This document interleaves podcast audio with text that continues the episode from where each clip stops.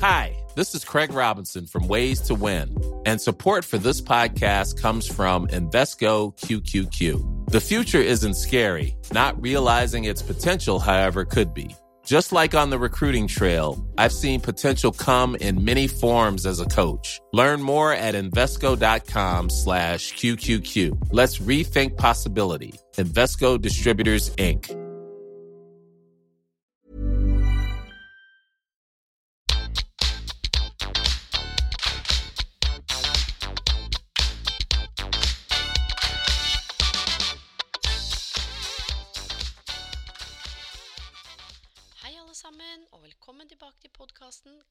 Karriereveiledning med Elaine.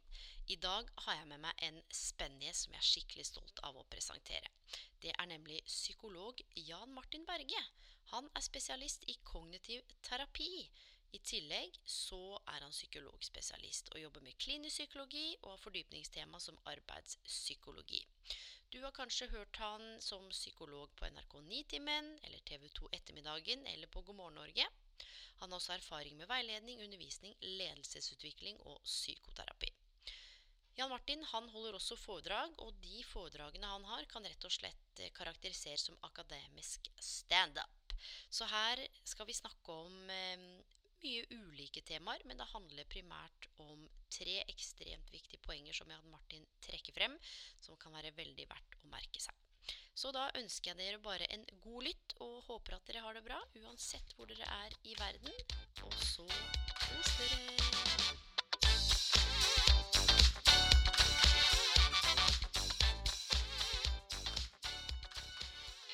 Ok, Jan Martin, psykolog, er du på linja? Ja, jeg er på linja. Hører du meg? Over? Jeg hører deg godt, vet du, og håper lytterne hører deg godt også. Du, tusen takk for at du valgte å prioritere å være gjest i denne podkasten i den unntakstilstanden vi er i. Og vi skal komme til motivasjon og mestring knytta til både det å være i arbeid og kanskje det å stå utenfor. Men før vi gjør det, så har mine lyttere hatt et stort ønske om å bli bedre kjent med deg. OK? Så vi må bare hoppe rett i det. Du er jo, jobber jo nå som bl.a. psykolog, og en hel del andre roller har du også, som vi skal komme tilbake til. Men husker du hva du ville bli når du var liten? Ja, jeg, jeg, har, jeg tror jeg husker det ja, veldig godt fra mange. Det var jo enten brannmann eller politi. Og da var jeg i gruppa mi, da, og det var jeg var litt sånn eh, brannmann i, i det valget der. Det var Ja. veldig liten brannmann. Og så etter hvert, jeg er jo fra Trondheim, eh, og så har jeg drømt om å spille på Rosenborg. Fotballspiller, rett og slett. Og det er rart, for det har jeg også drømt eh, når jeg var ungdom og voksen alder. har jeg drømt at jeg er på Lerkendal. Så det er noe som har virkelig satt seg i systemet mitt. Ja. Men så er det jo sånn at du verken blei brannmann eller profesjonell fotballspiller. Hva er det som influerte deg eller påvirka deg til å være der du er i dag, da? Er det noen konkrete situasjoner du husker, eller noen hendelser? Eh, det er ikke tilfeldig at jeg er utdanna psykolog. Eh, det å ta vare på andre folk, det har vært en viktig del av livet mitt. Eh, på, på, bar på barneskolen så hadde vi en gutt som hadde autisme. Han husker jeg, han var en fin fyr. Han spurte hver dag husker jeg, sånn, har du støvsuga treningsjakka di. spurte han. og folk var sånn, eh, sa jo nei i begynnelsen, men da ble han jo enda mer oppi det. Så til slutt så lærte alle på skolen seg til at du svarer ja. Når Kim spør om det, så sier du bare ja. Jeg har støvsuga treningsjakka di. For da er fornøyd, da. Mm. På de sju årene jeg gikk på barneskolen, så tror ikke jeg det er så mange på Åsveien skole i Trondheim som var med Kim og, og lå over hjem til han. Det, det tror jeg bare var meg. Mm. Eh, eh, Så han eh, var hjem til. En annen gutt som jeg også var mye sammen med, han hadde det som kalles minimal brain dysfunction, kalte det. I dag kaller man det kanskje ADHD. Og han hadde jeg veldig mye ålreit med i oppveksten. eh, Og det var en familie som var veldig raus og varm og inkluderende, så jeg var veldig mye sammen med dem. Og de syntes også det var veldig ålreit at jeg var sammen med han gutten deres. da. Eh, Når jeg skulle inn på ungdomsskolen, så fikk vi lov til å skrive ned fire navn på folk man ønsker å komme i klasse med. Og vi skulle koble sammen tre forskjellige skoler til én stor ungdomsskole. Og Da skrev ikke jeg navnet til han gutten her, for da hadde jeg vært sammen veldig mye. Og tenkte at nå er det tid å være sammen med litt andre folk også. Eh, og da hadde jeg begynt å spille basket, så jeg skrev navn på andre basketspillere på andre skoler. Da fikk jeg tre av fire på lista mi innfridd, og gleda meg veldig til å bytte skole og gå på ungdomsskole. I løpet av den sommeren så hadde foreldrene til den gutten jeg vært mye sammen med på, på barneskolen, de hadde gått til rektoren og fått endra sånn at jeg skulle gå i hans klasse i tre nye år. Eh, det var ikke noe feil sånn på én måte, men samtidig litt feil. Men det sier noe om at eh, de sa til ledelsen da, at uh, vår sønn fungerer ikke hvis ikke Martin kan gå i klassen hans. Så det gjorde at uh, foreldrene mine sa at ja, men Jan Martin ønsker helst å gå i klassen han egentlig ble satt opp i. Uh, men da sa rektoren at det har vi allerede bestemt, og nå ser det ut som det går fint i den klassen for når høsten starta. Så ble det tre nye år. Da ble ni år til sammen. Og han er jo en god venn av meg, og det er fantastisk, det. Men, men jeg tror det sier litt om uh, Jeg har vært opptatt av, uh, siden jeg var liten og ungdom, å ta vare på andre folk. Mm. Jeg har alltid vært opptatt av hvordan andre folk har det. Så det at jeg har vært utdannet psykolog, det har vært en ganske sånn vanskelig og tøff vei. For det er jo skittvanskelig å komme inn på studiet. Og jeg har en søster som ikke har eh, ferdig, hun er ikke ferdig på videregående. altså Hun har ikke fullført videregående, selv om hun er voksen i dag. Foreldrene mine har vært skilt to ganger med hverandre. Mm. Eh, ingen rundt meg har veldig høy utdannelse sånn sett. Mora mi er sykepleierutdanna, så det har vært viktig. Bra inspirasjon. Men det lå liksom ikke, i, det lå liksom ikke i, klart for meg at jeg skulle på universitetet. Nei, så, så, du var ikke en av de som på en måte gjennom ungdomsskolen og videregående hadde en helt tydelig retning og jobba beinhardt og skulle streve for å få alle femmerne og sekserne for å liksom komme inn på drømmestudiet? Men, Nei, jeg var psykologi og et åp... Jeg, jeg, var mye med eldre menn i basketmiljøet som sa at bare stå på alt på videregående, mm. for på universitetet er alle fag så å si mm. åpne. Mm. Og da tenkte jeg at ja, men så lenge jeg står og gjør det som passer greit, så kan jeg jo velge etter hvert som jeg kommer på universitetet. Og det stemte jo for så vidt, men, men jeg, jo, jeg, begynte jo på årsenheten i, i, i psykologi. da, og synes det, det, var liksom det som var veldig viktig for meg. Jeg hadde vært et år i USA, der jeg hadde en lærer som, som stimulerte veldig. Kevin het han. Vi hadde en oppgave om er det arv eller er det miljø. Det var liksom en sånn fokus vi hadde på masse spørsmål. Charles Manson. Ja. Det er en person som er død nå, men han har sittet i fengsel lenge. Men han fikk jo Jeg vet ikke om du vet hvem Charles Manson var? Det var en som fikk andre damer i USA til å drepe andre mennesker. Og hvordan fikk han til det? Og da fikk han Kevin i Minnesota, der jeg var en lærer, han, vi fikk se videoer, og så måtte vi skrive stil etterpå, essay. Skjedde dette, var det pga. arv eller miljø? Og da måtte vi jo tenke på hvordan kunne han Charles Manson, var det motivasjon eller var det manipulasjon? Husker jeg vi også snakka om. Motiverte dem til å drepe folk? Eller manipulerte dem til å drepe folk? Disse spørsmålene var jo kjempespennende ikke sant? og veldig relevant da, i forhold til å forstå andre mennesker. Så psykologi mm. ble liksom enda viktig for meg etter å ha vært i USA et år for meg selv. Uh, og, og, men, men, men, karakterene på videregående var ikke så gode at jeg kunne bare gå rett inn på noe profesjonsstudium. Men jeg visste jo at, at, det var åpent første året, så jeg kan liksom gikk det første året så gikk jeg jo på psykologi i, i, i Trondheim. Ja, men jeg tenker det er så viktig det du sier nå også, for jeg tror veldig mange, eller jeg i hvert fall opplever at uh, samfunnet når vi blir født, så er det jo en del uh, fordommer og bokser og overbevisninger og ting vi, vi tråkker i og går i, holdninger. Eh, hvor mange tenker at å skal jeg inn på det studiet eller det studiet, så må jeg jobbe meg i hjel på ungdomsskolen og videregående. Jeg må gå ut med bare seksere. Eh, og det er så godt å vite fra ditt perspektiv, da, som nå er utdanna eh, psykolog og jobber med dette her og gjør en del andre ting, at karakterkortet var ikke bare bestående av seksere.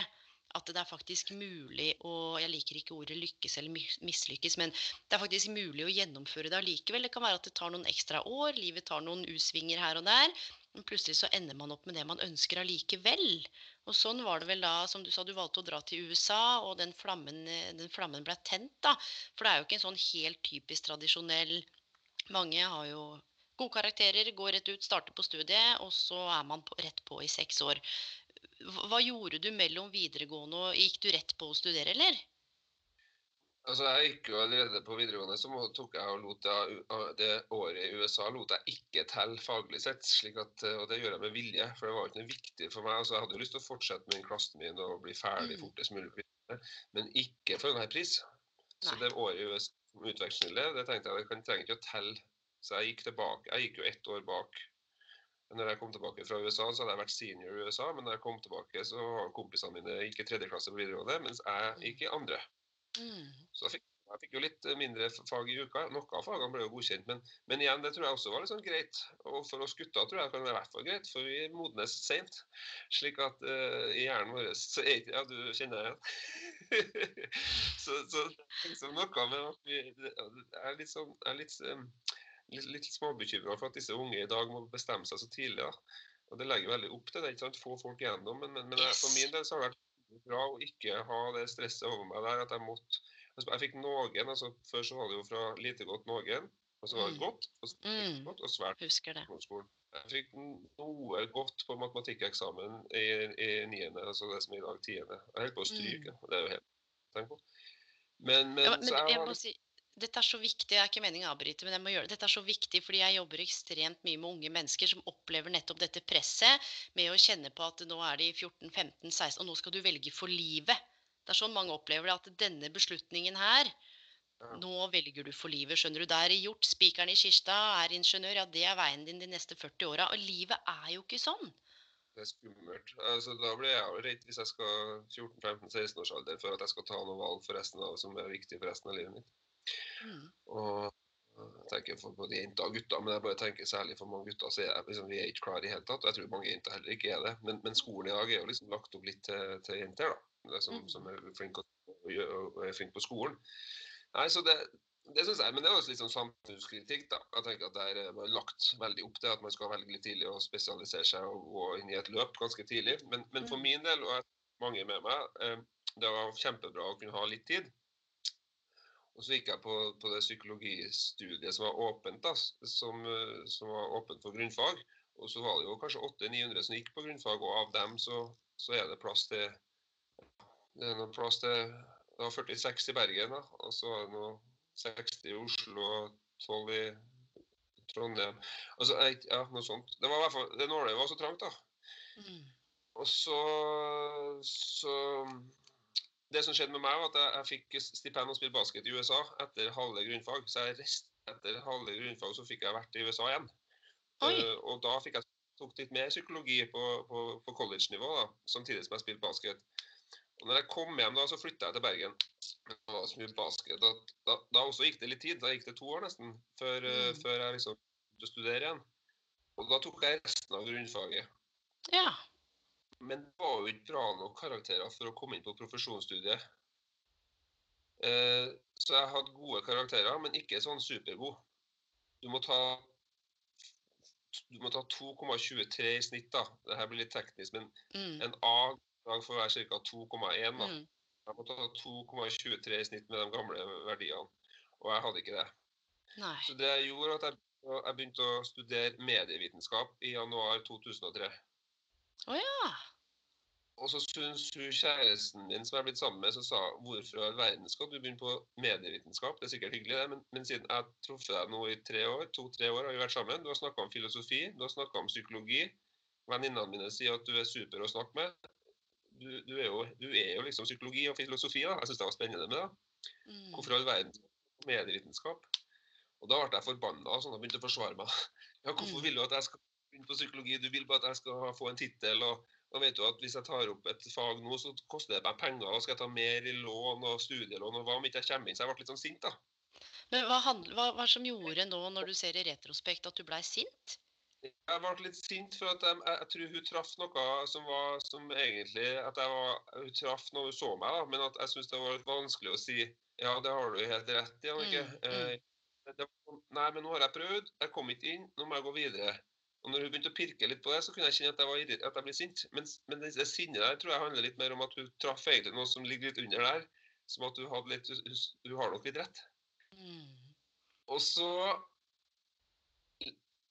Det her er litt sånn Det kalles sånn sliding door moment. Vet du hva jeg mener med? Ja, ja, ja, ja, ja. Jeg var på en middag på Peppes, for vi fikk, vi fikk litt mat etter kampene på Ulriken. da. Så spilte vi på Peppes. Og så eh, assistenttrener sin kone var, skulle bli professor på, på Universitetet i Bergen. Så hun var professor i psykologi. Og så sa, at, så sa jeg at jeg hadde gitt opp psykologidrømmen, men at jeg gikk på medievitenskap. Så sa jeg men Martin, de fleste tar jo opp. Og hvis du vil, så kan jeg jo se på noen oppgaver for deg. Og så sa jeg eh, det her skal du få til, liksom. Jeg husker jeg ble så stressa på den middagen at jeg gikk hjem og jeg var helt sånn sengeliggende resten av dagen. For da merka jeg nå var det var 30. januar, tror jeg, og jeg hadde liksom begynt på medievitenskap. Var ikke sånn Mm. kjempemotivert, men å bygge opp en bachelor her, da. Eller, ja. Og da 1. februar, da, to dager etterpå, så bestemte jeg meg. Jeg sa fra til dem jeg studerte sammen på medievitenskap. Jeg bestemte meg. Jeg velger å ta opp fagene på psykologi.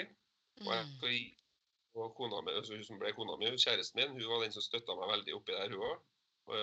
Mora mi òg. Du må bare ta opp Skitt i pengene, liksom. At du tar opp Mm. et fag nå, fag. Om du får litt ekstra studielån, hva har det å si? Og så bestemte jeg meg for nå skal jeg virkelig gjøre alt jeg kan frem til 15. mai. Fra 1. februar til 15. mai så bare bestemte jeg meg. Nå gjør du så godt du kan, Martin. Jeg har ikke Mm. beste karakter.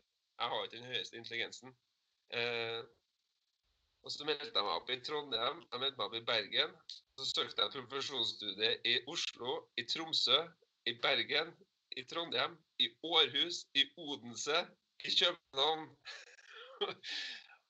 Og kona mi hadde lyst til å flytte til Oslo, så vi flytta den sommeren til Oslo. For jeg tenkte ja, men det her må jo gå bra. Jeg, jeg skrev jo masse på eksamen og sånn. Mm. Vi liksom flytte til Oslo. Så kom jeg inn én plass, og det var i Bergen. Oi. Og det, jo- når jeg fikk det brevet om at jeg sto som nummer sju på venteliste For det betydde da Når du står på nummer sju venteliste, så vet Mm. du at du kommer inn. Mm. Og det er liksom en helt uh, utrolig eh, eh, accomplishment for meg. Ja, og, og jeg, jeg igjen er så glad for at du belyser det her, for det betyr bare at det er mange måter å gjøre ting på. Og, og litt sånn en forlengelse av noen av de spørsmålene jeg har knytta til karrierehistorikken din. Hvor mye av din karrierereise har vært planlagt? Hvor mye har vært tilfeldig i gåseøynene? Som du sier, man sitter på en restaurant, plutselig så kommer man i snakk med noen som man ikke har egentlig kjenner eller har snakket med før. Og så åpner det seg nye verdener og nye dører. Og det handler jo dels om både at man kanskje evner for sin egen del å sette ord på ønsker og drømmer og interesser, og dels også å lytte og være nysgjerrig på andre. Det er jo en sånn slags tosidighet der. Og så vil jeg bare kort tilbake til du sa moren din støtta deg, kjæresten din støtta deg. Var det noen som du rådførte med eller snakka med, som syntes at det var en dårlig idé? Nei, ikke som jeg husker det. For, for jeg tenker litt dette med å omgi seg med folk som også støtter deg. Ikke støtter deg blindt, men som samtidig tør å si det de mener. Og det som forundrer meg, som jeg har sagt tidligere på podkasten, er ofte hvordan én persons mening om et yrke eller en utdanning eller hva man skal gjøre, noen ganger forankres så sterkt i et menneske at man glemmer å orientere seg innover. Mm. Ja. Sant? At fordi du har sagt at nei, ikke ta psykologi-lane, det er bare slitsomt, så tenker jeg ok, jeg traff Jan Martin, han sa det, da gjør jeg ikke det. Men så er det egentlig drømmen min, og så ender man opp i en sånn slags konflikt med seg sjøl og omverdenen, da. ja. Og det har jeg møtt mange også som nå har tenkt liksom etter noen år og, og ting drar seg til. da. Man kanskje får en familie og økonomiske forpliktelser, og så er det egentlig man jobber med noe man kanskje ikke er så jævla keen på. Og så er det sånn at du føler at du kan ikke begynne å gjøre noe annet i voksen alder. Så ja, jeg kjenner mange som, som har vært i, i den. Jeg har heldigvis hatt eh, folk som var veldig trua på meg her. Og så var det egentlig min egen Mm. tvil om jeg var flink til å skrive oppgaver som ga en A. Jeg måtte jo ha tre, to eller tre A-er. Mm. Jeg fikk 2,17 i snitt, og 2,23 måtte du ha. Så jeg, det, var jeg bare, det, det var kanskje meninga. Altså, jeg- det her er et eksempel på at selvdisiplin, altså selv, det, det er muskel, da, selvdisiplin, det er viktigere enn, viktigere enn intelligens.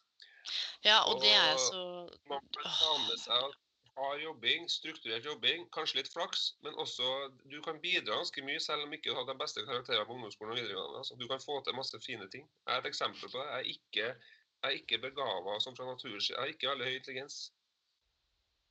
Men, men, men, jo, men eh, igjen, da. Jeg kjenner jeg blir så, så imponert og så glad både for at du er gjest og for at du sier det. For det er noe med også å tørre å si det høyt for seg sjøl.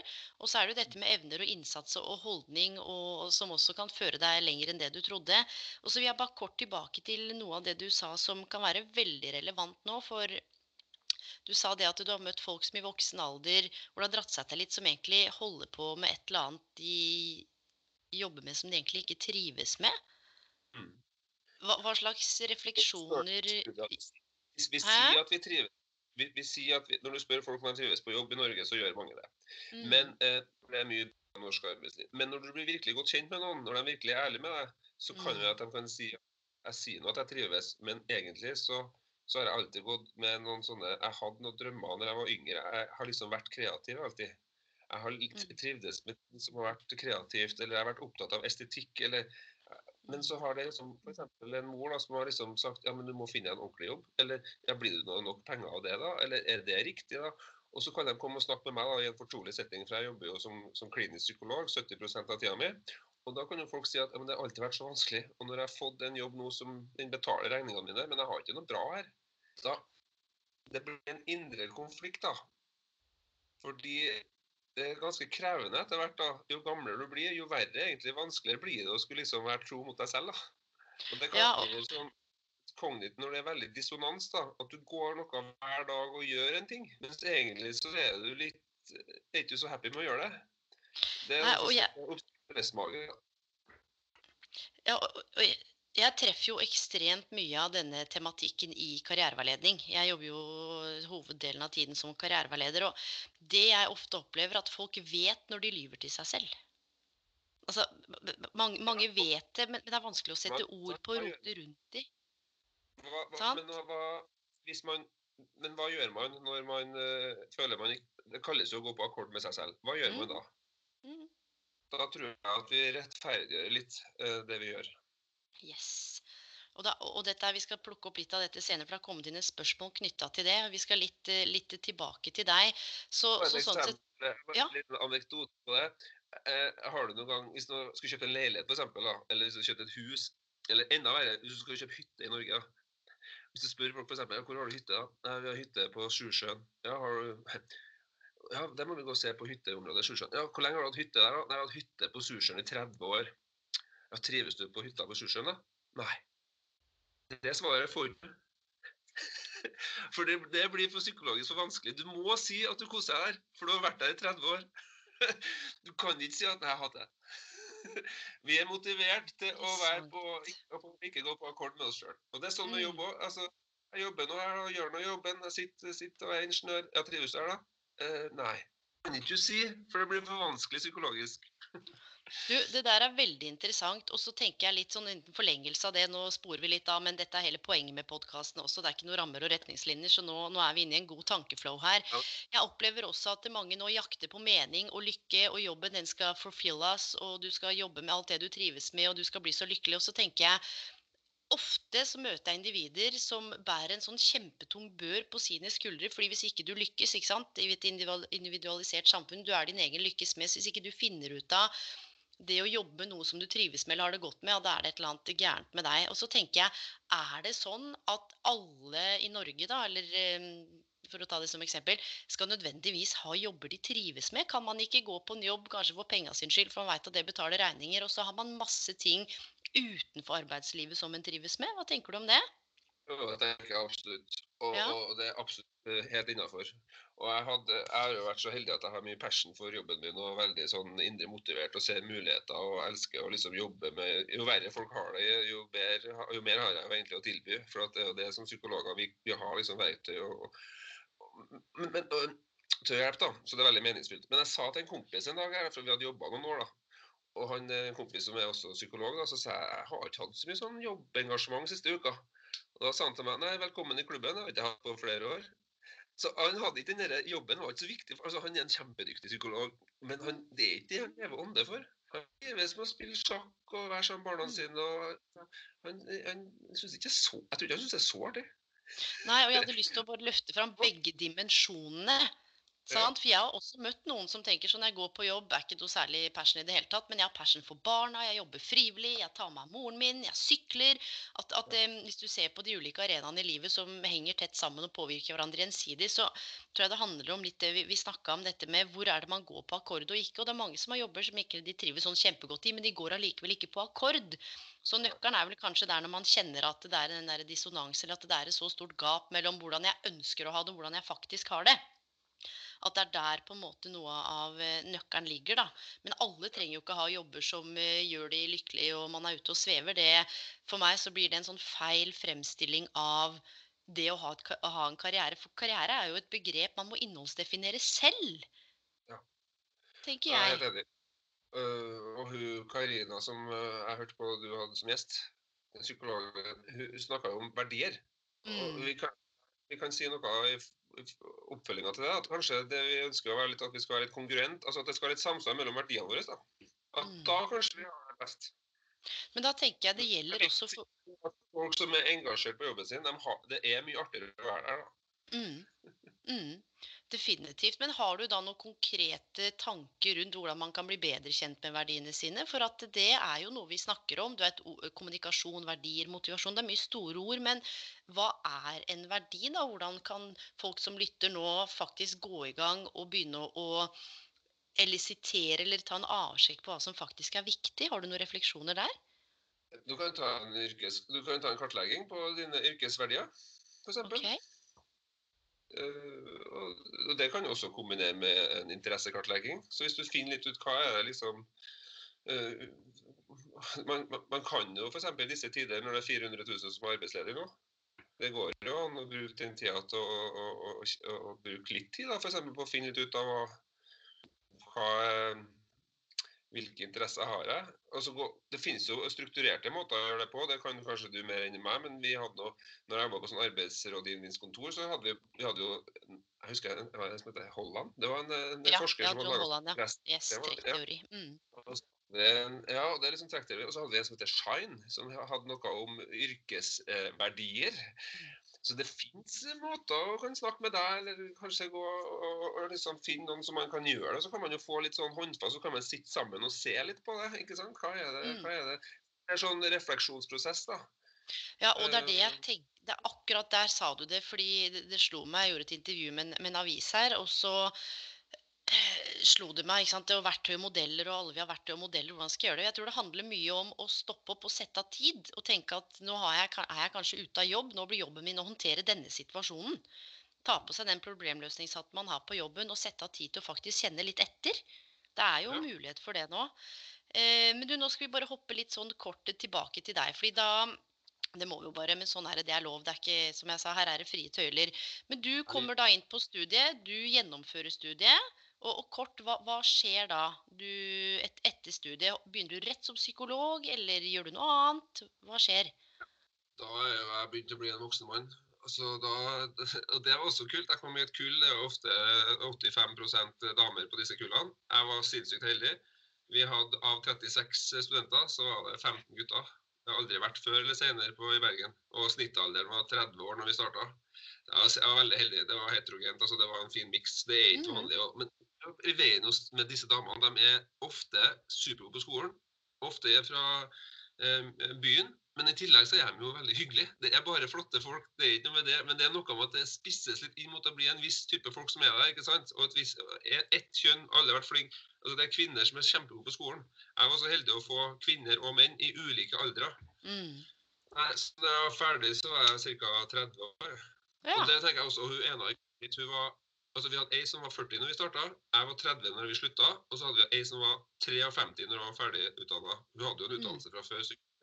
Så, Mm. så det er noe med å nyansere bildet her. at det er, Du trenger ikke å føle å, gå, å bli deprimert hvis ikke du har det klart når du er 22 år. Takk. Bra. Og, og, ja, og jeg holder jo på med master nå. Jeg er helt på slutten av masteren på karriereveiledning. Og det er rett og slett fra, fra 25 opp til langt over 50. Og jeg satte meg på skolebenken igjen nå. Jeg blir jo 37. Det er jo en gave. Ja, ja. Er. Akkurat det du sier der, er man trenger ikke gå rett ut av videregående og hoppe på utdanning. Det, det er mulig å gjøre, reise, jobbe, bruke tid. Livet for mange er jo relativt langt.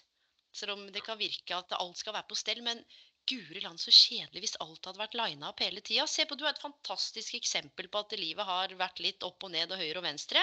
Og så sitter du her i dag. Men, men starta du å jobbe eh, rett i praksis?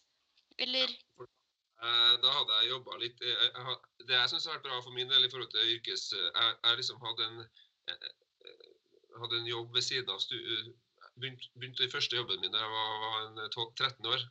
Flippa burgere. Ja. I Trondheim og sto bak kassa. Jeg hadde 45 kroner timen. Eh, I 94 Ja. Så eh, lavt betalt. Det var skift, det var på natta, mye fulle folk. eh, Det var morsomt og litt skummelt. Mm. Og, altså jeg hadde trøkkførerbevis, så jeg har jobba på lager.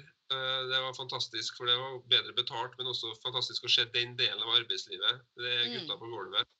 Fikk inn ei dame en sommer der. Det skjedde noe med arbeidsmiljøet. Det var helt fantastisk. Eh, Jeg har hatt jobb i psykiatrien ved siden av studiene. Jeg jobba på bofellesskap. Eh, Så, så det å ha, Fordi om man ikke har alt klart, så går det an å ha noe jobb. Og jeg tenker det, og Hvis vi skal ha sånn tre tips til slutt, der, da, om yrke, så tenker jeg et av de tipsene er bare å kanskje sørge for å, å prøve å ha en deltidsjobb. Og Det kan du starte med ganske tidlig. Det, Mm. det gir masse erfaring, og det gir masse fint eh, på CV-en. Og det er også en fin måte å tjene litt penger på. ikke sant? Så, nei, så det er jo ikke at jeg ikke har vært i jobb, det var bare at når jeg var ferdigutdanna, så hadde jeg jo jeg tror det var ett semester fra å makse ut eh, studielånet mitt. altså det er ett år, altså du hva er det, så og så mange år. Jeg hadde mange hundre tusen studielån. Jeg hadde to barn. Jeg var sammen med ei jeg bruker å kalle henne Gullrøy. Hun er litt eldre enn meg. Så Gullrøy. Og, og liksom var på høytid og begynne å, å tjene penger og få Mm. seg en jobb. Da, da flytta vi fra Bergen. Og så begynte jeg å jobbe på et arbeidsrådgivningskontor. Og så en kveld i uka så jobba jeg med terapi. da. Mm. Så har jeg jobba på Ullevål sykehus på en allmennpsykiatrisk poliklinikk eh, sammen med andre Det er jo spesialisthelsetjenesten. Trives veldig Mm. godt. Øyeblikkelig hjelp, som også er veldig, veldig eh, spennende og krevende arbeid når folk er i kriser. Om siste et halvt årene så har jeg hatt ansvaret for, eh, for psykiske helsetjenester i Aker-eide selskaper. Det er Røkke og gjengen på Fornebu. Mm. Og- jeg starta der i 2013, så gikk det jo ganske dårlig med olje og gass. Verden handler først og fremst om meg. Ja, nei, det gikk dårlig, så jeg har bevart den jobben. Jeg er 80% men, men jeg har vært med på veldig tøffe tider i oljekrise. Mange jobben. eh, Så jeg tror jeg også vet litt hva jobb kan bety for folk. For det er veldig mange som tar for, eller har mista jobben de siste fem årene. Og så nå siste året så hadde det begynt å gå litt bedre igjen. Men Mm. nå er vi jo inne i en tid der eh, korona og oljepris gjør at arbeidslivet i Norge får skikkelig kjørt seg. Ja, og det er jo vårt cue til å gå over til det som er hovedtemaet i dag, og det er jo motivasjon og mestring, bl.a. i den unntakstilstanden vi befinner oss i. Både, både for de som er i jobb, men de som nå står eh, uten jobb. Og det har kommet inn en hel haug av spørsmål til deg som du skal få på slutten.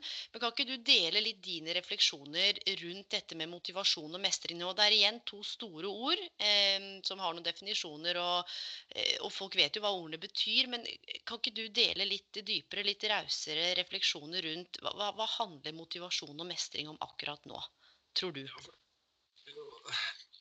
Jeg husker når, det var sånn, når jeg jobba på arbeidsrådgivning, så, så kunne jo folk eh, fra Nav-systemet eksempel, kunne jo henvise unge arbeidstakere som ikke var i jobb. da, altså Det ble jo en motsetning, da. Men, men folk som ikke var i jobb. og Det kan være ulike grunner til at de ikke var i jobb. Da fikk jeg ofte sånn henvendelse fra eh, saksbehandlere i Nav som sier du må realitetsorientere brukeren. Eller du må finne ut om det er noe motivasjon her. Så tenker jeg sånn, jeg skjønner at de tenker sånn. Jeg skjønner at man, når man har så mange å følge opp, så kan det virke som at folk ikke er motivert og kanskje ikke har noe realitets, altså har noe innsikt. Og Da får man lyst til å bare henvise dem til noen som kan liksom Nå må du bli realitetsorientert her. Hva er du motivert for? Nei, så, så motivasjon det er jo ikke noe som du enten har eller ikke har. Eh, det er mer sånn energien bak det som får oss til å handle på måter vi gjør. da. Eh, Så det handler om energi. Hva, er, hva, er, hva er folk motivert for? Og jeg tror jeg er motivert for mange ting. Men, men vi ser liksom, og så kan vi jo skille mellom ytre motivasjon og indre motivasjon. Altså, jeg, Hvis jeg har vært veldig ytre motivert, så ville jeg vært veldig opptatt av at Elaine, hva får jeg for det her nå? Og snakke med deg. Mm. Gir du meg noe for det her? Kan jeg få noe penger? Kan du gi? Eller, og da viser det seg at ytre motivasjon, ja, det kan man jo Men, men, men det er ikke det som nødvendigvis eh, forutsier hvem som trives best og presterer best på jobb, da. Mens indre motivasjon, det høres jo flott ut. Men da er man opptatt av hva er det som skal til for å fremme indre motivasjon, da. Mm.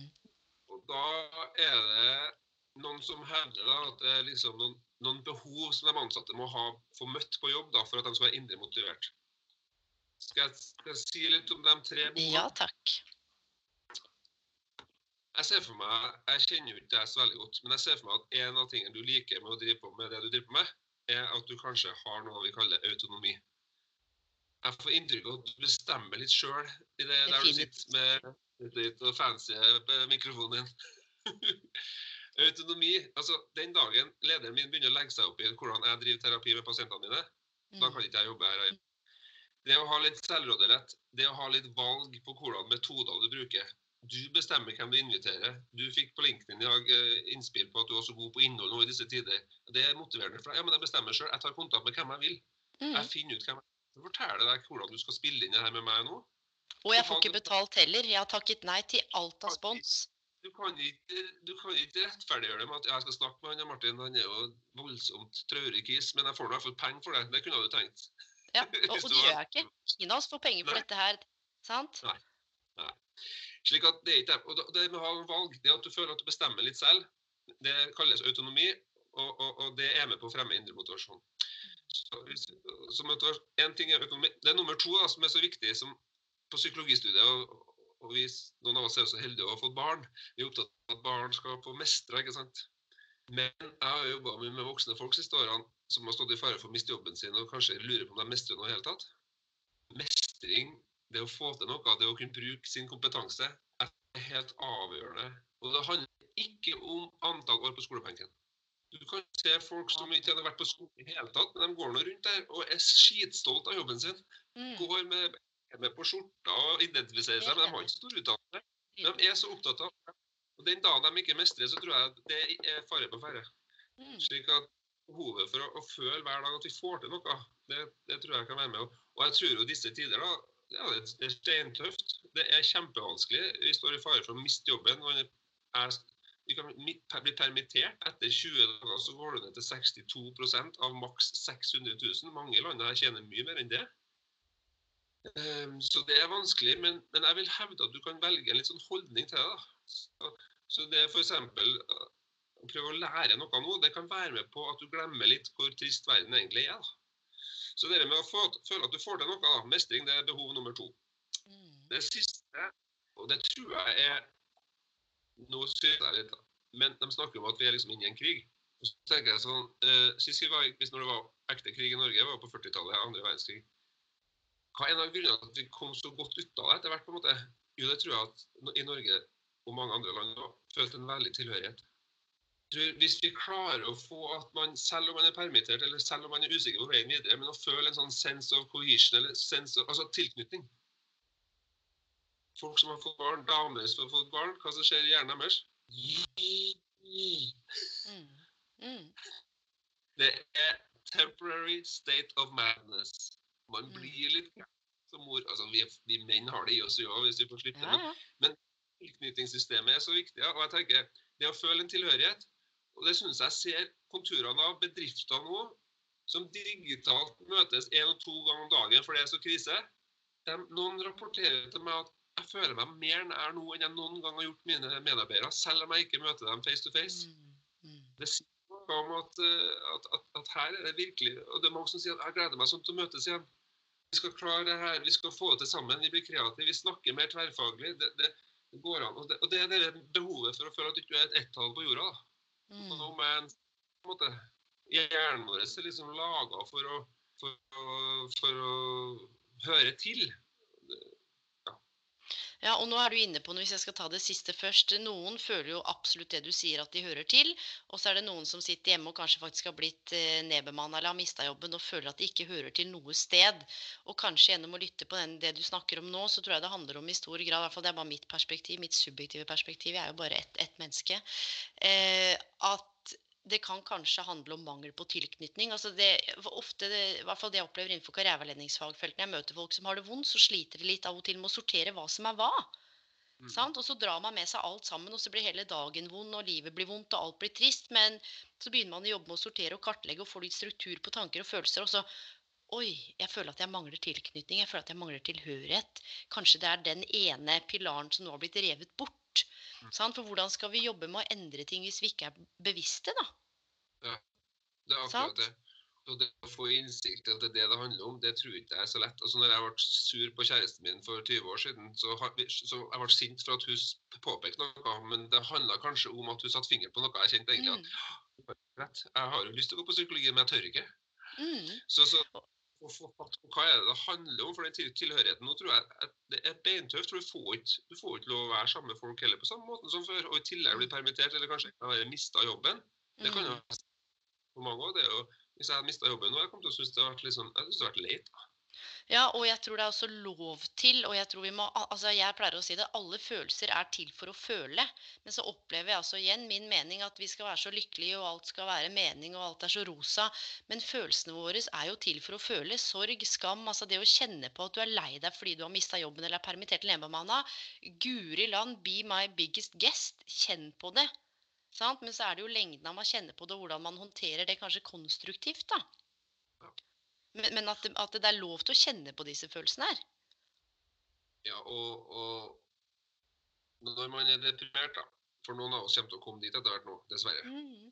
Da, da, er det ikke så mye nyanser i følelseslivet lenger. Så da, Deprimerte kjenner f.eks. ikke sorg. Så, så, så, kjenner du på sorg, og kjenner du på at du har ulike følelser, så er det bra, det.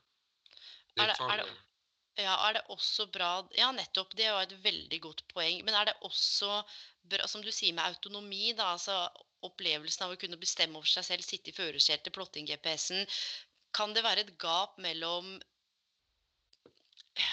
hvordan skal jeg sette ord på det her? Dette, med opplevd autonomi. altså Du vet at du har ansvar i eget liv, og du er et voksen, selvstendig menneske. Men allikevel så er det mange nå som kanskje ikke kjenner på autonomi allikevel. Men jeg kan, kan jeg utfordre deg litt og si at vi har alltid et valg på hvordan vi skal forholde oss til ja. verden. Men jeg tror man, mange at vi trenger en anerkjennelse fra mm. noen andre. da. Og ja. de ser deg, forstår deg, anerkjenner at det er vanskelig. Og mm. da først kanskje føle på det valget man har i forhold til hvilken holdning man skal ha, f.eks. Ja, og det var et viktig poeng. Det, det er godt, godt, god refleksjon. Viktig, viktig, viktig. Eh, og, og, det er jo noe med å til er det vanskelig å, mm, å oppsøke anerkjennelse, men det er noe med den følelsen av at mangel på opplevd autonomi, da, og hvordan kan man da få det, liksom som du beskrev nå, at det kan være en sentral liten sånn trigger i en retning for å ta ansvar og, og bli bevisst, da. Ja, jeg skjønner at det er vanskelig nå. Uh, og det lå lei seg, frustrert og forbanna og fortvila. Og mm. så må vi vet også etter hvert hvordan skal vi, har, har vi noen valg her på Har vi noen måter å foreta oss noe aktivt da. Mm, mm. Og henger dette her Ja, vær så god. Mm. Og, og, dette her henger jo også tett sammen med mestring. For Opplever du ikke autonomi, så er det ikke sikkert at man opplever mestring, og kanskje ikke tilknytning, og de kan henge sammen på lik måte. Men kan du gi noen refleksjoner knytta til ok, nå kjenner jeg på manglende mestring, alt er litt sånn, jeg er i limboland. Er det noen grep eller er det noe jeg kan gjøre for å få tilbake følelsen av mestring? Kanskje ikke bare på jobbarenaen, men, men andre, kan jeg gjøre noe konkret da, for, å, for, de som kjenner på det nå, for å få den følelsen av mestring? Er det å rydde i klesskapet sitt, liksom? Kan det gi følelse av mestring? Jeg er litt sånn fan av at uh for Jeg akter meg sånn for å si til folk hva de skal tenke og føle og hva de skal gjøre. For Det er ofte sånne folk som skal si sånne ting. Det, det ødelegger jo økonomien. og ja, Det funker kanskje for deg å tenke positivt, men jeg har ikke lyst til å tenke positivt. Nei, fint, det er helt OK. Du kan også tenke negativt. Du kan være lykkelig pessimist. Du kan gå rundt og mm. forvente at det går til hver dag, og så merker du at nei, det gikk ikke til helvete. Nei, du er mm. lykkelig pessimist. Det er lov. Mm. Det jeg er litt fan av, det er å ha en litt sånn testende eller sånn kan du teste ut litt. Altså, skuffa, ja, teste ut, da. Hvordan hadde du det først? og Så tar du, eh, tar du og så rydder den skuffa og så tester du ut, og så kjenner du litt etter hvordan var det da. Det som skjer med meg nå når jeg syns ting har vært veldig vanskelig, det er at når jeg blir oppslukt i noe som jeg får lyst til å prøve å finne ut av og På et eller annet, med, et eller annet nivå så, så, så, gir det noe mening i det jeg holder på å rydde skuffa. Da, for å si sånn. Og da glemmer jeg egentlig at verden er ganske crazy. Mm, og det, mm. og det, funker for meg. da. Eh, om det er å rydde en skuffe, eller om det å, å, prøve å lage en film som psykolog, eller om det er å sette seg inn i, i leksene til barna, eller det å eh, gå en tur ut og se hvordan det ser verden ut her. Teste ut litt hva er det vi, vi, trenger. For det som skjer når vi begynner å slite i den perioden vi er inne i nå, det er at vi slutter å være nysgjerrige, eller vi slutter å gjøre ting som er bra for oss. da snakka med en eneste i dag som, som, som har god selvdisiplin, men har slutta å gjøre alt hun vet er bra for henne. Slutte å møte venner, slutte å gå ut. slutte å gjøre... Altså, det, det tenker jeg sånn, ok, Da er litt min jobb som terapeut å, å, få, å få dem litt sånn ok, Kan du teste ut dette neste gang, da? Mm. Og så er jeg litt at kanskje handling er litt sterkere enn å sitte og tenke seg frisk. liksom. Nå snakker vi ikke om at folk er syke, men jeg tror mange er litt fortvila, mange er litt redde. Mm, mm. Vi skal ha respekt for det. Vi skal holde oss litt unna folk. Vi skal høre på hva myndighetene sier. Men vi har jo mulighet til å teste ut litt i vårt eget liv hva vi, eh, hva vi kan gjøre for å prøve å se om det, om det endrer seg litt. da. For vi kan Mm. lett få folkesyken, og så blir vi litt sånn når vi først kjenner på litt sånn negative tanker, da er jo tankene litt sånn lagra i hodet at de ligger litt på samme plassen i nærheten, så da husker du andre ting som er kjipt òg. Så hvis du har det litt kjipt nå, og kjæresten din sier noe kjipt deg, så husker du at han sa noe kjipt deg for et år siden òg, og han er, jo ikke, han er jo like ille han som han var i fjor. Mm, mm. Så, så den der handlingsbiten, altså vi må ut og teste ut litt i handling, at det er litt lettere, for det kan vi faktisk gjøre. da. Mm. Og det var det, nå var jo, Du sa jo dette med å fremstå som kongruent eh, litt tidligere i episoden, og du var jo definitivt det nå. og Jeg skulle ikke lure deg, men jeg, det er noen av de spørsmålene som har kommet inn, er kan du gi meg et konkret råd? Og Jeg var så glad for at du sa det, at du ikke er spesielt glad i å fortelle folk hva de skal gjøre, men heller sånn som du gjorde nå. nå det er noe med å dele noen konkrete tips og råd da, som handler om refleksjon, så får folk legge selv hva de vil i det. F.eks. å teste ut et eller annet i dag, om det er å knyte joggesko eller hva enn det er, som gjør at folk kan være nysgjerrig. For det er en sånn egenskap som har slått meg nå som kanskje er enormt viktig. Hva annet kan det bety? Hva annet kan jeg gjøre? Hvordan kan jeg løse det? Altså være litt sånn detektivmodus. Med litt morsomme briller på. da. Ikke, alt trenger ikke være så alvorlig hele tiden. Nei, og det er det hvis vi kunne, kunne utfordre deg sjøl litt på det, selv om du kanskje har det tøft akkurat nå, både jobbmessig og kanskje Jeg er jo mest bekymra for der ting skjer samtidig. Folk som eh, står i fare for å miste jobb, økonomi, kanskje parforholdet blir vanskelig, og forholdet til barna er vanskelig. Ting skjer samtidig. og Der er det kanskje vi får kjørt oss litt. Og kanskje går det an å, å se er det noen ting jeg kan teste ut her. Og hvis det er vanskelig sånn i hodet, jeg går det an å teste ut i praksis. Mm. F.eks. teste ut hvordan det er å ta kontakt med noen på Skype eller FaceTime. Og ringe noen bare for at du skal teste ut hvordan det er. Mm. Vi slutter å gjøre ting når vi egentlig Så mange nå kommer til å føle seg litt ensomme og, og litt sånn trapped. Og så har jeg snakka med folk som har plutselig blitt invitert på en fredagsettermiddag med noen folk de ikke møtt på lenge. Jeg er med å bli venn med han Svein Østvik, han Charter-Svein. Og han sa at han har vært på digitalt party forrige fredag. Det var helt fantastisk sånn. Mm. Han hadde ikke snakka med meg. Så, så han gjorde en erfaring med at det har jeg lyst til å gjøre igjen. Mm. Og, og- og det er litt tilbake til det du sa med hva kan vi lære i den situasjonen her. Altså dette med erfaringslæring. For én ting er å sitte og tenke opp masse rare scenarioer i hodet sitt. En annen ting er jo faktisk da å, å gå ut og handle og teste, som du sier. Så tror jeg det er sentralt, og det, det er det jo også å kunne reflektere over hvordan gikk det å teste det ut. At det kan være en sentral del av den pakka, sånn at jeg ikke bare tester blindt, og så tester jeg den neste. Men det å stoppe opp og tenke hva, hva erfarte jeg her, hva lærte jeg her, er det noe Kan jeg ta med meg noe videre? Hva var den følelsen? Altså dette med å tørre å stille seg selv kanskje noen av de gode, åpne spørsmålene som vi kanskje ikke alltid gjør, eller har tid til. Ja. Og der er det jo Hva folk gjør, det er jo veldig rart. Altså, Folk gjør jo helt rare ting. Tommy Steve, alle, alle foredrag er ikke Det fins ikke noe foredrag for han som, som han jo er sånn standup-komiker. Ingen mm. oppdrag fra november. Hva gjør han? Nei, han er ringevakt på, på, på en Kiwi utafor Lillestrøm. Altså, det er jo ganske crazy, men han tester det ut. Godt litt kult, eksempel. Mm. Veldig, veldig godt eksempel. Og du, jeg må jo si, Jan Martin, vi har fått inn masse spørsmål. Har du lyst til å si noe, noe mer om, om dette med motivasjon og mestring, eller vil du at vi skal bevege oss over til spørsmålene? Her er, her er eh, mikrofonen er din, altså. Nei, det er bare at jeg tenker at eh, jeg har ikke svaret på hva som er meninga med livet, men det er en filosof som har gjort seg mye tanker rundt det og tenkt veldig mye på det. En norsk en som har skrevet, og han mener at meninga med livet Det er jo litt så plumpt å koke ned til ett ord, da, men han mener at det er forbedring. Ja. Kan vi, kan vi tenke litt på? ja, nå ble jeg stille, for nå måtte jeg tenke.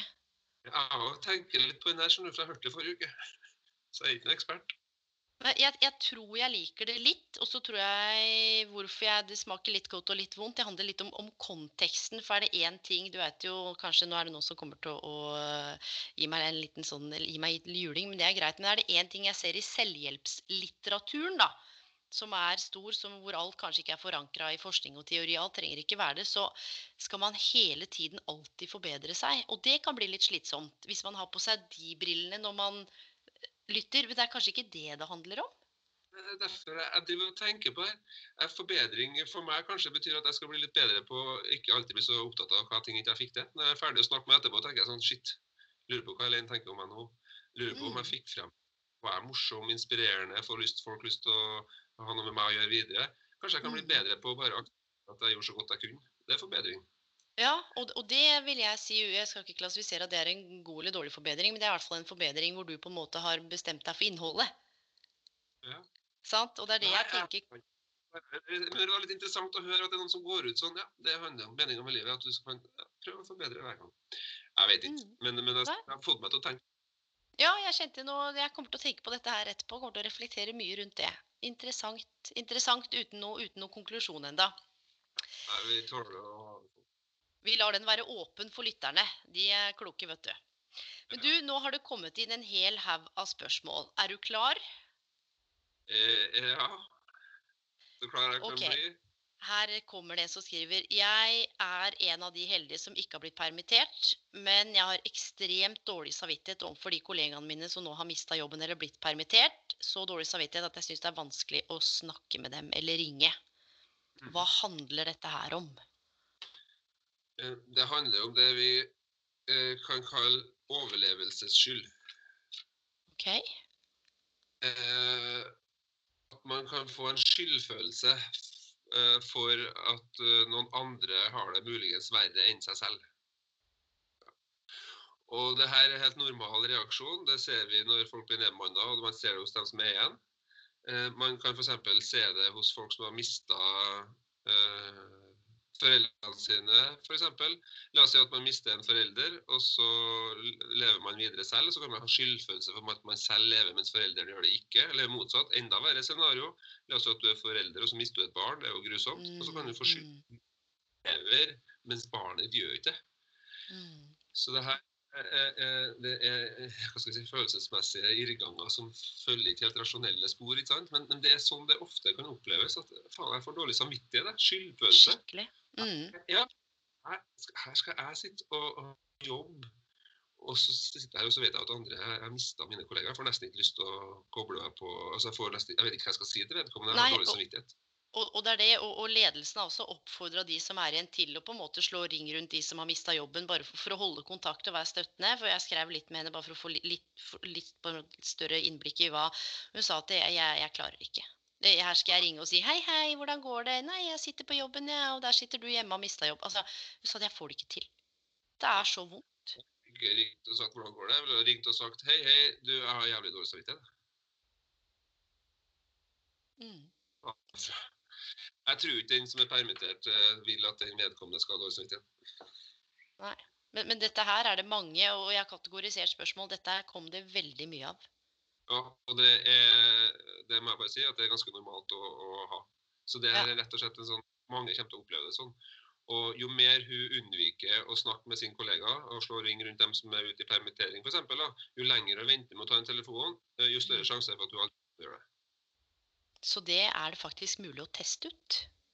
Da har jeg, Hvis du hadde gått til meg, så har jeg sagt at uh, jeg kan forstå at du ikke har lyst til å ringe den vedkommende nå. For det er jo ubehagelig. Du sitter der med dårlig samvittighet, du vet ikke hva du skal si. Kanskje hun er sint på meg, kanskje hun ikke tar telefonen. Da blir det enda verre. Uh, men min, min, jeg vil hevde at den strategien med å holde seg unna de ansatte på den måten, det gir deg mindre ubehag på kort sikt. Det funker jo for deg å la være, for du syns det er så ekkelt. Mm. Men på lang sikt så gjør det at du kommer til å være fjerner fra disse ansatte. Og du vil mm. synes det blir eller ringe om et par måneder.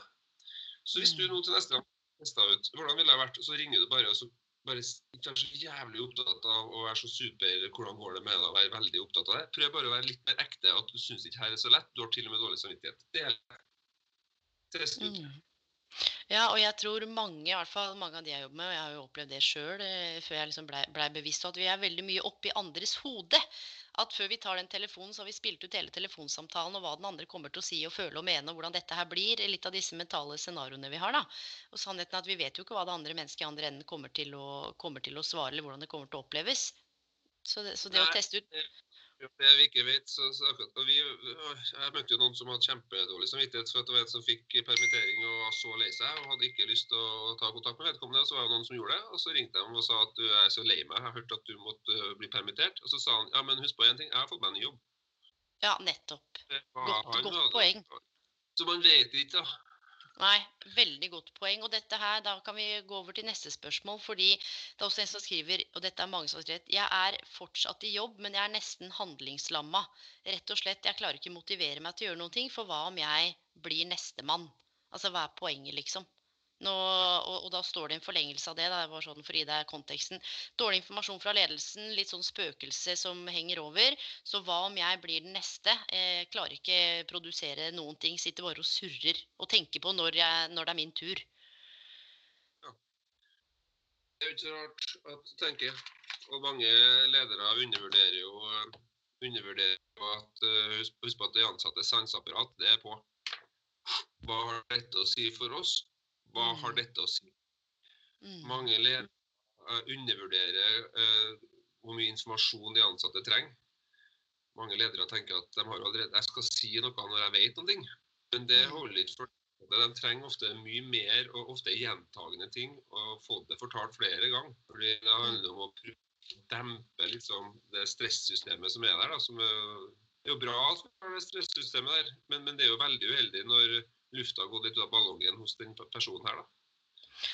Ja, og at man blir handlingslamma og rett og slett uproduktiv. Bedriften er jo ikke tjent med det her. For du har den, den der delen der, kan du se. at jeg, jeg lufta ut av ballongen. Jeg vet ikke helt hvordan jeg skal forholde meg til det. Nå er jeg sikkert nestemann selv, så man begynner egentlig å, å sikre seg selv. Og, ja, skal jeg bli sykemeldt? Yes. Skal jeg, sjekke, skal jeg begynne å sjekke andre jobber? Altså, Det er ikke bra for bedriften heller. Og du har også den andre motsatte, at folk begynner å, late som de har så utrolig mye å gjøre. Sier ofte at de har veldig mye å gjøre, men egentlig så har de ingenting å gjøre. Men de er livredde for at noen skal se at de ikke uh, setter opp timer, f.eks. For, eksempel, for da kan det være at du er neste. Og det var det neste spørsmålet. Det var en som skriver du, jeg later, Hva er det som står her? Da skal vi se. Jeg later som jeg har så mye å gjøre, sånn at ledelsen skal bli overbevist om at de må beholde meg hvis de blir nødt for å kutte ned. Det, det, det, er- Føler meg fake, står det. Ja, og det er mange som kjenner seg igjen i. Og det er rett og slett begge de her to eh, strategiene er jo for å overleve. Mm. Og, og det er ikke deres eh, Det er ikke den ansattes sin skyld. eh, Det er et symptom på kulturen. Altså Det blir litt tunge ord, da, men det er et symptom på at man ikke føler seg trygg. Men hva kan man gjøre da? Skal man banke på døra til nærmeste leder? Skal man bare fortsette å late så Hvordan håndterer man dette her? Altså, jeg vet at ikke du vil noe sånn superkonkret, men, men no, noen tips i alle fall? Sette ord på det? altså Snakke med noen? Hva Ja, jeg tror lederne eh, inviterer oftere til møter. Snakk med de ansatte oftere. Eh, Prøv å skape Altså, en liten historie fra USA, da, California. Jeg hadde hovedpraksisen min i San Francisco. Og Mhm. noen eh, lenger, noen eh, minutter ned på i California, så er det eh, Google. Palo Alto og nede i Tech og Valley og Silicon Valley. Der skulle de, For noen år siden skulle de teste ut hypotesen. De skulle teste ut at vi trenger ikke, vi, vi, vi, vi, trenger ikke ledere. Og det klarte de å finne ut. De klarte ikke å, å, å, å finne støtte for den hypotesen at vi trenger ikke ledere. Fordi at forskninga viser at jo, ledelse har noe å si. mm. Og da viste det seg at den, den beste, eh, den, den viktigste egenskapen en leder hadde, var å være en god coach. Ja. Så, ja, så det er interessant. Og nummer to var don't micromanage. Altså, det handler om tillit. da, Empower the Mm. team. Også på noe annet som heter Project Aristotle. Og da skulle de vise at hvorfor er det at noen team hvert kvartal omsetter for i snitt 40% mer enn andre avdelinger hos oss. Hva er det som gjør at disse teamene gjør det så bra? Hva tror du hvis det er ett stikkord, hva tror du er grunnen til at det er noen team hos Google som gjorde det så mye bedre enn alle andre? Spør du meg nå? Ja. Nei, jeg bare, Det eneste jeg tenkte på nå, var jo den autonomien. Eh, det er sikkert mange ting, men eh, det er bare en som slo meg nå fordi vi snakka om det. Men eh, ja, godt spørsmål. Fyr løs, du. Jeg kom på mange tanker. Psychological safety. Psykologisk trygghet. Opplevelsen av at her er det trygt. Så når han driver og jobber og viser at han har så mye å gjøre, men har egentlig ingenting å gjøre, eller når hun eh, sitter og er helt sånn livredd for at hun er nestemann ut, da sier det til meg at her er det ikke trygt. Nei, og Det er litt interessant, for det er en leder som har skrevet inn og sagt at jeg opplever at vi som bedrift, og som oss med topp, toppleder, eh, kommuniserer så godt vi kan og gir informasjon, men allikevel så oppleves det som det ikke er nok. Parentes eh, begynner å bli litt frustrert. altså. Det er fordi han skrev, har skrevet fram tilbake at man må håndtere alle mulige roller og budsjetter og det stat, altså det ene med det andre. Og så skal man også passe på de ansatte, og det er kjempeviktig. Men han sa at det, jeg vil ikke si at de virker krevende, men at de de krever nesten mer informasjon og trygghet enn det jeg klarer å gi. Hva Der er jo han sagt altså det, det, det, er jo noen som har utømmelig behov for det, ikke sant. Ja. Men da er det, det er, så, så, så, det er en kjempe, og det må ikke vi glemme her. Det er en veldig krevende tid. Og det, og det er noe med å ha disse strukturene, møteplassene, at, at, at, det er det vi har valgt å gjøre her. Vi har møte om morgenen og på ettermiddagen f.eks. Men skjer det noe imellom der, så tar jeg kontakt. Altså, og, og, og, hvis det er noen, og så kanskje også hvordan å delegere. For det er noen som vil ha større behov for forutsigbarhet, større informasjonsbehov. Hvordan kan man mm. se til at de har noen de kan snakke med da, hvis de blir i tvil? Fins det en mm. ansatt Jeg tenker en, en, leder i en liten eller mellomstor bedrift kan ikke sitte og være en kaosstøtdemper for ansatte hver time. Det går ikke. Da får ikke de gjort jobben sin. De, de har mange ting. Husk på ledere de har jo kjempekrevende tider. ikke sant? Så det, det er kjempevanskelig for dem òg. Mm. Ja, og det er noe med det at man er på, på begge, sider av, begge sider av bordet, og det ser vi nå med disse spørsmålene. Og så er det et, et, siste spørsmål, og det er egentlig litt vittig, for det er liksom motsetning til alt som har kommet inn, som er kategorisert. Det står Jeg føler meg både positiv og optimistisk. Jeg har mista jobben, så her sitter jeg. Men det jeg opplever, er at de rundt meg ikke orke meg, hermetegn, eller den, den, gleden og positiviteten jeg føler at jeg har. For jeg kjenner at dette her kanskje kan være en ny start. Jeg føler ikke at jeg har noen å snakke med, for de fleste rundt meg er rett og slett deppa eller lei eller skuffa eller usikre. Jeg, og da skriver hun skal jeg bare ikke si Hva skal jeg gjøre, liksom? Jeg er bare glad. Jeg tenker at dette ordner seg, liksom. Og det, det er ingen andre jeg har opplevd i min umiddelbare nærhet eller som, som kjenner på det samme. Så jeg føler meg Så skriver hun er jeg rar? I familien vår vi ser én episode av 71 grader nord hver dag i disse dager. Og vi har kommet til episode 18 eller 17. Og nå er de kommet til Finnmark, da. Fem ja. igjen, da. Og da jeg skal ikke si for mye for dem som skal se det, da, for det ligger jo ut. Men, men det er én der da som er sinnssykt positiv. Ja. Og når de andre er veldig sliten, så slår det veldig feil. Ja, for folk er irriterte her, skriver hun. Altså, folk blir irritert på meg. Ja, men Gå inn og se, og så ser du hvordan det går når pølsa er sinnssykt eh, positiv, og Jon Almås og de andre er ikke så veldig mottagelige for at pølsa er veldig positiv. Så da tror jeg man gjør lurt i å finne, finne, folk som kanskje tar imot den positiviteten, og ikke pusher på for mye med den positiviteten. For det, er risikosport det sosiale. Mm. Jeg lurer på, Er det hjem, er det familien, eller er det mer på jobben at de er så lei av at hun er så positiv? Eller Nei, det var, det var alle rundt. Både, både jobb, kollegaer, altså hjemme. Jeg at jeg føler meg nesten litt rar, for folk sier at jeg må liksom roe meg ned litt. Og det er ikke sånn Jeg har skrevet litt frem og tilbake igjen for å få litt kontekst. Men at eh, nå er det jo tid for å være i sorg, og nå er det en tid for å kjenne på krise. Nå er det en tid for å kjenne på alt det som er vondt og vanskelig. Nå er det en tid for å ikke ha det bra. For da er det jo en krise. Og da og jeg, jeg skiller meg ut såpass at folk eh, orker meg nesten ikke. Nei, det er kjipt, da. Men uh, jeg tenker at uh, selv om det er tøffe tider, uh, så tenker jeg det er lov å være glad. Ja, det er det det. Det er det. Ja, jeg, jeg, tenker at det er lov å være glad. Jeg tror det er viktig også at vi kan kjenne på noen positive følelser, som for vår, vår egen, egen psykiske helse. Jeg tror behovet for god kultur, jeg tror behovet for å få konserter inn i stua. Jeg tror det at folk lager show. Jeg tror vi har behov for brød og sirkus i perioder når det er veldig mm. vanskelig rundt oss. Og Hvis, skal, ja. hvis vi skulle lage en regel til ikke lov til å le nå, det er ikke mm. lov til å flire eller være frem til juni, da tror jeg, det, da tror jeg myndighetene har fått folk mot seg. Ja, og, og, og, dette, Jeg sa egentlig at det var siste spørsmål, men det, det kom inn et lite der òg hvor det står at jeg skammer meg litt fordi jeg kjenner at jeg har det, har det bra, liksom. Rett og slett, er, er det normalt? Skal man gå rundt og skjule, skjule mm? Vi er jo som flokkdyr, så, så, vi sammenligner oss med dem rundt oss. ikke sant? Så spørs det mm. hvem du sammenligner deg med. Man skal mm. ikke skamme seg for å ha det bra. Men, men, men, jeg tenker sånn, kanskje også være taktfull for at folk rundt deg kanskje akkurat nå er inne i sitt livs krise. Altså, det er mange i Norge, mange unge mm. folk. Mm. hadde 8 i rente på lånet. Det største utfordringa de har hatt i sitt liv. Og nå er det sånn at folk mister jobben, og, og fondene deres går bort. Eh, det, det, det, kommer til å komme noen eh, bedrifter som må slå seg selv på konkurs. Mm. Vi kommer til å ha, Det kommer til å ta flere år før økonomien er liksom rundt å gå. Så, så vi må ha, ha, respektere at folk har det vanskelig nå. Mm. Men jeg syns ikke sånn at folk ikke skal kunne kjenne på noe glede. Det tenker jeg blir den avsluttende setningen din, ja, Jan Martin. Den var fin å ta med seg inn i de tidene vi nå er i. Tusen, tusen takk for at du valgte å stille opp og være gjest. Jeg kjenner jeg gleder meg skikkelig til å dele den episoden her. Jeg har lært masse selv.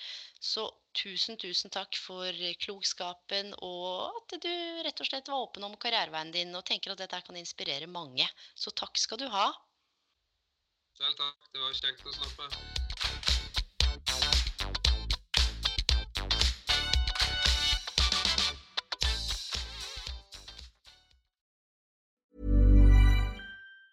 Planning for your next trip? Elevate your travel style with Quince. Quince has all the jet setting essentials you'll want for your next getaway, like European linen, premium luggage options, buttery soft Italian leather bags, and so much more. And it's all priced at 50 to 80% less than similar brands. Plus, Quince only works with factories that use safe and ethical manufacturing practices. Pack your bags with high-quality essentials you'll be wearing for vacations to come with Quince. Go to quince.com slash trip for free shipping and 365-day returns.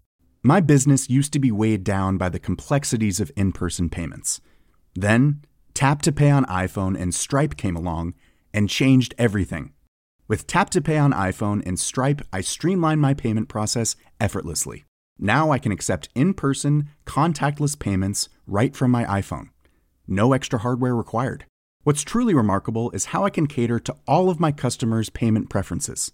Whether they're using cards, Apple Pay, or other digital wallets, Tap to Pay on iPhone and Stripe ensure a smooth checkout experience every time. And it's not just me. Stripe helps businesses of all sizes, from local markets to global retailers, scale quickly and stay agile. To learn how Tap to Pay on iPhone and Stripe can help grow your revenue and reach, Visit stripe.com slash tap iPhone.